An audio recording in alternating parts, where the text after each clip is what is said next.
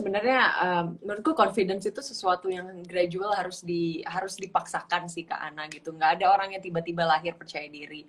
Uh, kadang orang mikir gini sih Setuju. karena kayak uh, orang-orang yang pede itu cuma orang-orang yang memang udah kaya dalam arti misalnya emang emang intelektualnya emang bagus mm -hmm. atau emang financial bagus atau pokoknya udah punya segalanya deh gitu. Padahal ternyata uh, aku belajar dari bukunya Mark Ronson juga sih di Art uh, of Nothing Fuck itu selama ini tuh banyak banget yang ngerasa wah kayaknya kita tuh nggak bisa maju nggak bisa ngembangin diri gara-gara kita nggak punya privilege ini nggak punya privilege itu. Padahal sekarang di era teknologi dan internet of things harusnya ini bukan alasan kita lagi untuk belajar sesuatu kan? Dan bahkan kalau kita sebagai pembelajar itu kayak ada satu keinginan untuk belajar terus gitu. Seperti sosok yang aku undang sekarang. Nah siapa sih sosok ini sosok muda yang sangat cantik ya luar dalam. Karena aku kayak ketemu beberapa kali tuh langsung charming gitu. Yang pastinya mungkin teman-teman udah sempet lihat uh, video viralnya yang waktu itu di YouTube. Aku waktu nonton tuh kayak langsung wah keren banget ya udah cantik uh, muslimah pakai hijab terus kayak santun juga dan mewakili Indonesia dalam sebuah selebrasi uh, selebrasi wisuda di salah satu kampus ternama yaitu di Harvard. Seorang dokter alumni Universitas Indonesia yang sekarang udah uh, kembali setelah menyelesaikan Master of Public Health. Uh, sibuk praktek dan banyak kesibukan lainnya. Langsung aja deh aku akan invite penasaran sama sosok ini. Ini dia dok. Nadira Afifa. Ah yang nungguin banyak nih kayaknya Nadira ya. Kita belajar dari sosok Hai, Nadira Kak, Hai Nadira. kabar baik, alhamdulillah. Nadira, aduh aku seneng banget nih Nat, kamu bisa uh, ngobrol di buka pikiran yang volume keempat. 27 dua hari, gimana rasanya Nat? 27 udah menyelesaikan Master of Public Health, terus kemudian sebagai seorang ibu juga dari anak yang lucu banget gitu ya, sibuk praktek juga. Sebenarnya orang tuh kayak penasaran gitu, apa sih Aduh, Nadira nggak bisa? Kayaknya semuanya bisa gitu. Ya alhamdulillah rasanya uh, komplit kali ya kalau sekarang rasanya. Jadi karena udah ada uh, ambisi uh, uh. pribadi yang udah tercapai juga dan alhamdulillahnya udah dikaruniai yeah. anak juga jadi udah punya keluarga kecil sendiri jadi makin senang gitu makin semangat juga ya betul, ya untuk kerja betul. dan berkarya ya pastinya ya Oke, Nadira, hmm. ini aku langsung ke tema kita nih ya, ngomongin soal lifelong learner. Kenapa sih aku bahas ini? Karena sebelumnya itu kita sempat hmm. ngebahas tentang purpose gitu ya. Kadang di pandemi ini yang menuju endemi orang lagi kehilangan tujuan aku apa benar, sih? Benar. Saking bosannya di rumah betul, terus. Betul banget. Iya nggak sih? Akhirnya mereka mencoba mempertanyakan lagi, ini passion aku bukan sih gitu ya? Dan ternyata setelah menemukan passion bangkit dari kegagalan juga pernah kita bahas dan akhirnya kemarin waktu di Women International um, apa International Women's Day aku bahas bagaimana dari perspektif hmm. kita bisa mandiri gitu dalam kondisi hmm. apa pun terutama pandemi ini. Nah, sekarang hmm. dari proses ini semua nih Nat, apa sih yang seorang Nadira pelajari selama pandemi ini khususnya sebagai seorang dokter juga sebagai uh, konsultan di public health gitu ya apa yang kamu pelajari ya, dari situasi ya, pandemi ya. sebenarnya ini? Uh, aku ngerasa pandemi ini pasti sulit buat hmm. semua orang gitu ya kak ya dan ternyata kita kayak nggak bisa menstandardize yeah. kesulitan setiap orang akan seperti apa karena impactnya ke orang beda-beda gitu Yeah. Kalau aku sendiri, aku juga sama mm -hmm. mungkin sama uh, yang tadi Kak Ana bilang, aku mulai repurpose lagi gitu. Sebenarnya aku mm tuh mau jadi apa sih tujuan mm. hidup aku apa, karir aku pengen seperti apa ke depannya, dan terutama prioritas aku sekarang apa gitu. Mungkin pandemi ini jadi salah satu waktu mm tenang juga untuk diri sendiri karena kan kita nggak bisa banyak kumpul. Jadi benar-benar pikiran kita tuh nggak diinfluence sama circle kita ya gitu. Jadi aku rasanya sih aku mulai merepurpose gitu. Dan yang aku rasa Setuju. juga ternyata selama pandemi ini mm. kayak apa ya, penting banget seseorang tuh memang udah punya internal motivation dan jati dirinya masing-masing gitu. Karena di sini biasanya kita jadi mulai krisis mm. nih, jadi yeah. bingung gitu. Sebenarnya kita mau ngapain, udah ngapain aja selama ini dan uh, yang kita lakuin matters atau enggak. At least itu yang aku rasain sih selama pandemi. Jadi ada masa-masa galaunya, akhirnya mulai kontemplasi, ketemu purpose baru, dan akhirnya sekarang udah mulai apa ya, udah tahu harus ngapain lah habis ini. Gitu. Wah, ini pas banget nih sama tema kita karena ternyata seorang Nadira yang udah lulus dari kampus ternama di Harvard itu pun kamu kayak um, mendev apa ya mem, membuat Bener. definisi ulang lagi gitu ya, repurpose lagi gitu. Apa yang kamu cari dalam hmm. hidupmu. Nah, ngomong-ngomong nih Nat, mungkin ada yang um, baru ketemu pertama nih sama Nadira gitu ya. Aku tuh sempat terinspirasi ketika kamu waktu itu ngasih pidato di uh, podium gitu ya di secara virtual waktu itu ya uh, waktu kamu wisuda mewakili Indonesia di Harvard. Gimana sih rasanya rasanya waktu rasanya bangga sih ya. Mungkin aku awalnya rasanya nggak menyangka juga sih kak Ana karena kan uh-huh. itu bukan sesuatu yang aku uh, targetin dari awal gitu. Karena tiba-tiba aja aku tahu ada kontesnya untuk jadi speaker kemudian aku ikut prosesnya cepet dan mm -hmm. alhamdulillahnya aku terpilih untuk mewakili angkatan gitu. Aku awalnya uh, senang tapi ada rasa aduh kurang juga nih karena nggak di sana kan karena virtual untuk pertama kalinya gitu tapi iya, aku rasa justru setelah betul, aku pidato virtual itu malah aku lebih senang lagi karena yang bisa akses jadinya bukan cuma orang yang di Civitas Harvard doang tapi justru semua orang bahkan orang Indonesia yeah, yang iya. sebenarnya yeah. pidato aku tuh lebih cocok untuk didengar sama orang Indonesia sih gitu jadi aku senang karena ternyata cukup impactful okay. untuk pidato itu dan pada saat uh, kamu kuliah di Harvard nih Nat aku pengen tahu nih uh, rasanya gimana sih Nat apa sih bedanya ketika kamu kuliah di kampus ternama itu sama kamu kuliah di mungkin aku harus Indonesia. kayak banyak curhat sama Kak Ana nih soal ini soalnya aku ngerasanya uh, mungkin di Indonesia aku kan um, cukup ekstrovert suka ngobrol terus juga aku ngerasa ya hmm. uh, bisa lah untuk survive gitu dan mungkin ada di top tier gitu tapi ketika udah -hmm. di Harvard rasanya jadi imposter -hmm. syndrome banget gitu rasanya tuh minder terus rasanya kayak nggak mm -hmm. pantas dan uh, apa ya mau ngobrol juga nggak pede karena aku ngerasa orang di sana tuh jauh lebih hebat dari aku dan aku jadi mulai mempertanyakan kayak kenapa sih aku bisa keterima mm -hmm. gitu tapi pas udah di sana udah mulai adaptasi aku mm -hmm. aku ngobrol sama orang-orang di sana yang notabene-nya hebat-hebat mereka pun punya insecurity-nya masing-masing dan itu yang bikin aku akhirnya oh ya udah insecurity mm. itu wajar dan sebenarnya nggak ada orang yang mandang kita lebih rendah atau gimana yang penting uh, adaptasi aja sama lingkungan. Jadi habis itu mulai udah uh, mulai bisa memanfaatkan semua opportunity yang ada di Harvard sih. Jadi rasanya seneng banget dan bersyukur gitu udah bisa dapat kesempatan ke sana. Wow, itu kamu sempat ngerasa minder nggak hmm. sih Nat? Karena aku dengar juga kan cerita kamu di hmm. waktu kamu diundang di VOA gitu ya. Waktu itu kan kamu ngerasa kayak awalnya minder gitu kan, apalagi dari Indonesia hmm. yang minoritas ya, which is di Amerika mungkin lebih banyak um, non Asia gitu apa yang kamu lakuin nih untuk bisa um, tetap berprestasi dan tetap kamu percaya diri sama uh, kemampuan kamu ya, sebagai ya, mahasiswa aku, di sana? Uh, faktor utamanya sebenarnya benar yang tadi karena minoritas. Kedua juga karena aku identitinya terlalu jelas mm. mungkin karena ya. Di sana kan orang tuh nggak mendisclose agama apa, mm. ras apa gitu. Sementara kan aku ya muka Asia, mm. terus pakai jilbab udah pasti Islam gitu. Dan aku nggak tahu gimana orang sana memandang orang Islam gitu jadi itu yang bikin nggak pede dan secure juga cuma mm. hmm, awalnya awalnya cuma ya itu uh, aku belajar untuk mm -mm. bahwa sebenarnya setiap kita masuk lingkungan baru pasti ada insecurity kayak gini dan itu wajar kan semua orang mengalami jadi cara aku ngatasinnya pertama mm -hmm. aku cari dulu kelompok yang memang aku beririsan dulu nih Kak Ana. Jadi aku memang gaulnya sama orang-orang Indonesia dulu yang mm. di eh, di Boston gitu ya. Ada sekitar 20 30 orang Abis itu mulai berani ke community yang lebih luas, yang udah mulai orang-orang luar negeri, tapi masih sesama muslim, jadi masih ada irisannya.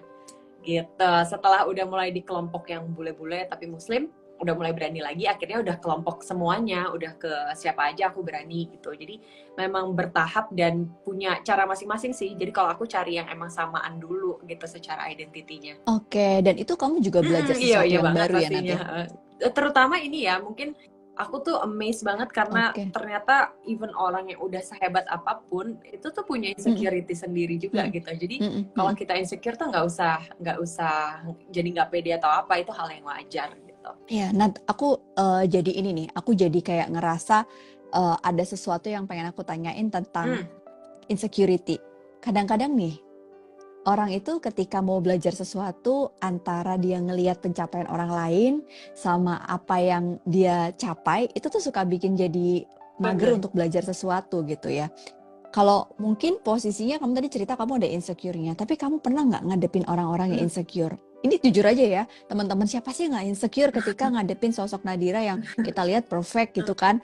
Pasti ada gitu. Dan orang insecure itu tuh kalau aku lihat uh, banyak banget loh. Bisa aja mereka hmm. memberikan head comment bisa aja mereka memberikan uh, sikap yang enggak yeah. supporting ke kamu sehingga mungkin ketika kamu pengen jadi seorang pembelajar dalam proses hidupmu itu kayak suka tahan yeah, sama omongan-omongan orang yeah. itu gitu kan Nat ya nggak sih itu manusiawi juga. Nah dia hmm, itu topik yang menarik ya karena karena biasa kita ngebahas insecurity diri sendiri tapi nggak bahas insecurity orang ke kita gitu ya. Hmm, menurutku, uh, I think maksudnya nggak yes. nggak bad thinking juga gitu sama orang yang uh, mungkin mencoba dragging kita down ya. Hmm. Tapi aku juga sering merasa sih bahwa uh, naturally ada sifat orang yang nggak suka. Even kita diri sendiri kita juga kadang kita tuh deep inside ada juga perasaan ngiri sama orang. Jadi pengennya tuh justru bukannya kita mau mengupgrade diri sendiri, tapi justru malah pengen orang itu tuh jatuh gitu loh. Dan itu hal yang salah. Itu hal yang salah gitu ya. Yep. Dan Uh, kalau aku tuh ada analoginya kayak kepiting di dalam ember gitu kan. Nah, pernah denger nggak? Kayaknya psikolog dari itu biasanya. Jadi kalau kepiting di dalam ya, ember ya. tuh kita lihat mm -hmm. kepiting banyak dalam ember, mereka tuh kalau ada satu kepiting yang crawling ke atas, justru yang bawah tuh narik ke bawah gitu, narik si kepiting itu ke bawah, mm -hmm. bukannya kita sama-sama maju ke atas gitu. Dan itu mindset kepiting kalau aku uh, nganggepnya. Jadi kalau aku analogikan gitu. Analogikan, Jadi kalau aku ya. sendiri kayak nggak suka sama kesuksesan orang dan aku berusaha menjatuhkan dia, aku tuh langsung kayak aduh uh, mulai istighfar lagi deh karena itu tuh mindset yang salah. Begitu juga kalau ada orang yang mencoba gitu ke aku misalnya dengan aku cerita mau mau nge-achieve sesuatu terus dia malah non supportive atau uh, mencoba bikin kita down, bikin kita ngerasa nggak deserve. Aku udah mulai belajar untuk nggak terlalu mendengarkan omongan orang sih gitu. At the end yang penting adalah personal goal kita sendiri dan goal itu juga harus dengan niat yang tulus gitu ya bahwa kita mikir oh mau nge-achieve ini karena nanti impactnya akan ini gitu as long as we know ourselves gitu sebenarnya kita nggak butuh validasi dari orang dan nggak akan terpengaruh sama bad comments orang gitu sih Aku setuju banget bagian ini ya, karena kalau kita nggak tahu personal goals kita apa, kita tuh kebawa sama proses belajar yang tadi proses belajar orang yang insecure kan orang Bener. insecure sebenarnya dia lagi belajar sama dirinya. Nah, ketika kita nggak punya goals kita, track kita tuh keganggu gitu. Jadi kembali lagi ke goals kita apa dan dan nggak usah uh, ngelihat ya maksudnya dalam artian ya kita fokus betul. sama apa yang betul, mau kita betul, tuju betul. di depan, gitu ya Nat ya. Aku penasaran juga nih Nat, kalau kita bicara soal uh, proses belajar yang nggak berhenti, never ending learning journey katanya itu hmm. menjadi sebuah kegigihan. Kita dulu pernah ngobrol ya kayaknya di sebuah hmm. virtual session uh, kita tuh baca ah, buku iya. yang sama dari ya, Angela Duckworth ya, Grit. Ingat kan? Nah, Grit ini kan kayak sekarang tuh menjadi satu hal yang um, penting ya hmm. ngadepin pandemi ini gitu kan. Kalau menurut Nadira sendiri nih, apa yang kira-kira perlu dilakukan oleh teman-teman yang sekarang itu bahkan uh, nggak tahu hmm. purpose-nya itu apa gitu. Jadi gimana dia mau mendefinisikan ulang kalau dia nggak tahu tujuannya dia apa? Iya, gimana benar, caranya Sebenarnya kalau lagi nggak pandemi cukup uh, possible ya ke anak. Karena menurutku cara kita menemukan passion itu adalah dengan -hmm. Kita nyoba banyak hal gitu. Kalau kita masih kecil kan itu semua diarahkan sama orang tua. Tapi kalau kita udah gede, kalau kita menemukan cara menemukan diri sendiri adalah dengan kita cari sendiri kan purpose-nya apa, coba banyak hal. Jadi kalau aku sih waktu hmm. pandemi ini juga sebenarnya aku sendiri juga lagi quarter life crisis nih Kak Ana. Jadi bingung juga passionnya apa, terus mau berkarir apa, terus um, repurpose ke mana. Kalau aku lakukan tetap sama sih sama uh, keadaan hmm. pandemi. Jadi aku memang tetap coba-coba banyak hal walaupun secara virtual gitu. Aku coba masuk ke community yang baru yang mungkin aku belum pernah ikut sebelumnya gitu. Hmm. Misalnya tadinya aku uh, community-nya mungkin di dokter atau mungkin di uh, public health. Sekarang mm-hmm. coba deh misalnya community uh, music atau misalnya community uh, apa kayak uh, uh, filantropis oh. kayak apa kayak gitu. Jadi itu pun sebenarnya secara virtual pun nggak membatasi kita untuk explore banyak hal sih gitu. Terus yang kedua menurutku jadi support system juga mm-hmm. penting banget gitu. Jadi circle circle circle yang memang masih Setuju. bertahan sampai uh, kita lagi pandemi kayak gini gitu kayak walaupun kita nggak kumpul physically tapi tetap kita ada relationship sama mereka itu circle terdekat kita mungkin ya itu juga penting banget sih hmm. menurutku dalam men-shape uh, kita tuh ke depannya mau ngapain dan uh, kira-kira topik yang diomongin apa itu kan juga membentuk mindset kita juga kan gitu. Jadi uh, aku rasa circle-circle yang memang positif itu harus dipertahankan juga waktu pandemi dan sering-sering ngobrol sama mereka gitu. Yes, that's why kenapa aku pengen buka pikiran ini tuh jadi support system teman-teman juga nih Nat karena aku melihat banyak yang datang ke psikolog uh, mungkin mereka udah mm -hmm. udah mencoba mencari passionnya gitu ya ke community yang mungkin membuat mereka bisa explore banyak hal tapi kadang-kadang support system itu tadi ketika masuk ke dalam circle kecil Betul. mereka kayak dijatuhkan uh -uh. jadinya nggak jadi belajar atau insecure sendiri nggak ada yang ngejatuhin tapi dia ngejatuhin dirinya sendiri sendiri akhirnya nggak nggak jadi berproses dan belajar. Nah ini ada hmm. pertanyaan yang menarik nih ya teman-teman. Gimana sih punya mindset uh, untuk bisa terus belajar? Nah aku juga penasaran nih Nat, karena aku uh, tahu kan kamu udah S2 nih. Biasanya kalau dokter itu kan kayak kalau Hmm. di psikolog tuh ngambil profesi khusus spesialis. Nadira pengen nggak sih ambil studi lagi gitu? Atau udah ini jadi uh, public health uh, master Iya, of public health sebenarnya aku cukup? juga eh, masih ini sih ada utang satu sekolah lagi, jadi emang masih mau spesialis lagi. Eh, sebenarnya itu pilihan sih Wow, karena jadi kayak sebenarnya mantap harus banget. ada S2, ada Iya, spesialis iya, iya. double kayak gitu. Cuma mungkin ini dalam rangka aku mencari passion juga ya, jadi Oh. aku eh, masih butuh sekolah spesialis sih menurut. Mm, mm, mm, mm. Gitu. Oke, dan dan ini kamu jadi kayak merepurpose lagi ya. Kamu pasti bingung Hmm. banget deh spesialis apa nih yang memang karena kan walaupun mungkin bisa jadi dokter umum atau mungkin bisa ngambil uh, sebagai pengambil kebijakan di public health, tapi rasanya ilmunya lebih kepake kalau kamu bisa ngambil spesialis Betul, gitu ya, betul. yang Jadi lebih spesifik sih gitu ya. masih saling menunjang satu sama lain sih. Jadi eh, apa yang aku ambil di public health topiknya masih akan Mm-mm. menunjang eh, apa yang nanti aku ambil di spesialis juga gitu. Jadi supaya nggak ada yang wasted ya eh, kemarin degree-nya. Jadi emang masih memperkaya ilmu aja sih. Oke, nah itu kamu memang suka baca buku atau gimana sih Nat? Kamu suka belajar gitu dari Eh, kecil ya? dari kecil kayaknya mungkin lebih diarahkan orang tua sih kalau dulu ke anak. Aku dulu nggak suka baca buku, tapi aku suka kalau Hmm. dibacain karena aku orangnya auditori kan. Jadi aku sukanya dengerin. Jadi kalau sampai Oke. sekarang pun kalau baca buku sebenarnya aku di kuping juga sambil ada audiobook gitu. Jadi eh, double.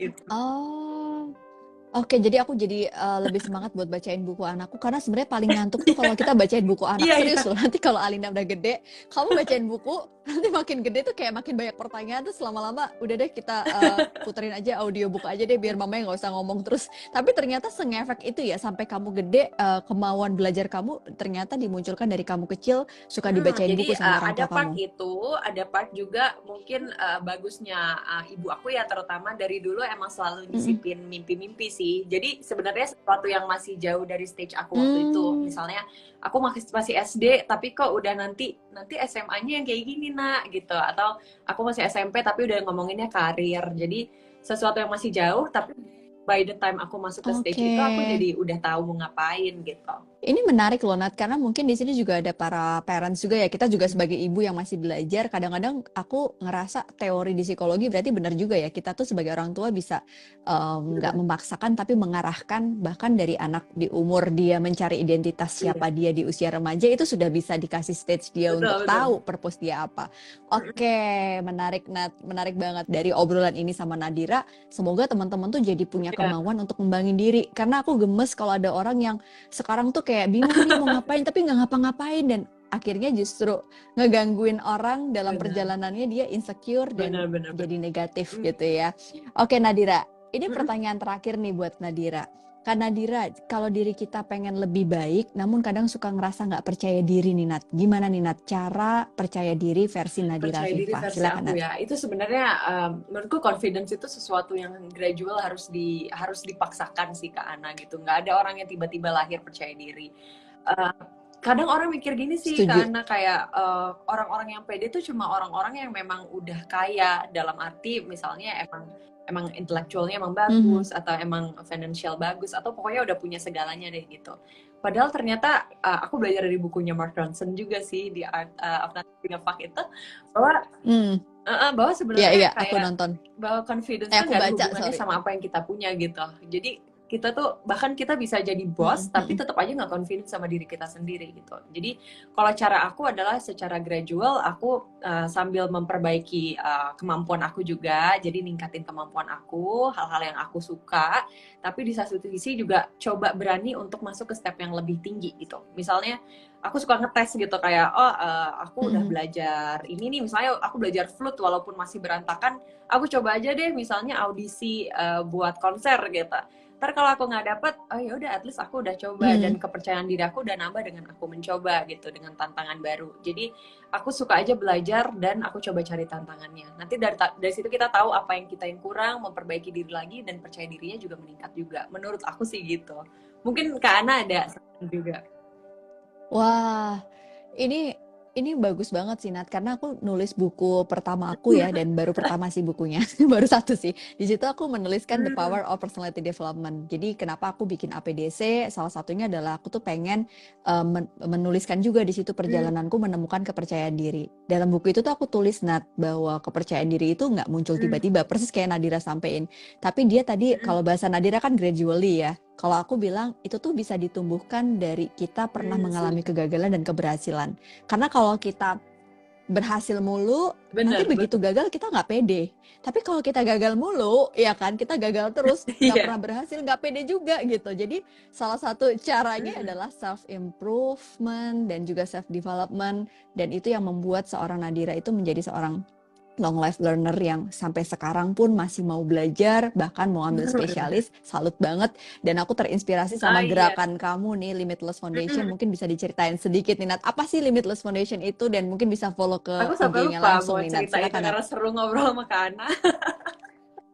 iya, jadi Nggak kerasa ya. Foundation sebenarnya uh, kita fokusnya untuk leverage education untuk teman-teman yang mungkin uh, secara Hmm. finansial nggak mampu nih untuk melanjutin sekolah, terutama lagi pandemi nih Kana. Jadi kita ngasih beasiswa Hmm, untuk teman-teman dari SD sampai S1, tapi di sisi lain kita juga ada beberapa talk juga, biasanya ngomongin soal buku, soal literasi, self improvement. Kemarin ada yang ngundang uh, penulis dari luar negeri juga. Jadi di sebenarnya ya, Keren jadi teman-teman bisa follow limitlessfoundation.id. Di situ banyak info soal education terutama uh, scholarship dan pengembangan diri gitu. aduh ini keren ya. Kurang apa sih gitu kan? Udah jadi dokter iya. Kemudian cita-cita kamu katanya pengen jadi menteri kesehatan Tadinya itu iya, benar aku sempat nonton di salah iya. satu YouTube. Cuma Hmm, terus terus, gimana? masih nggak? actually beneran kerja sama Pak Menteri, pandemi. sibuk banget ya Pak Menteri nih. Kapan ada waktu Uh-uh. buat keluarga ya?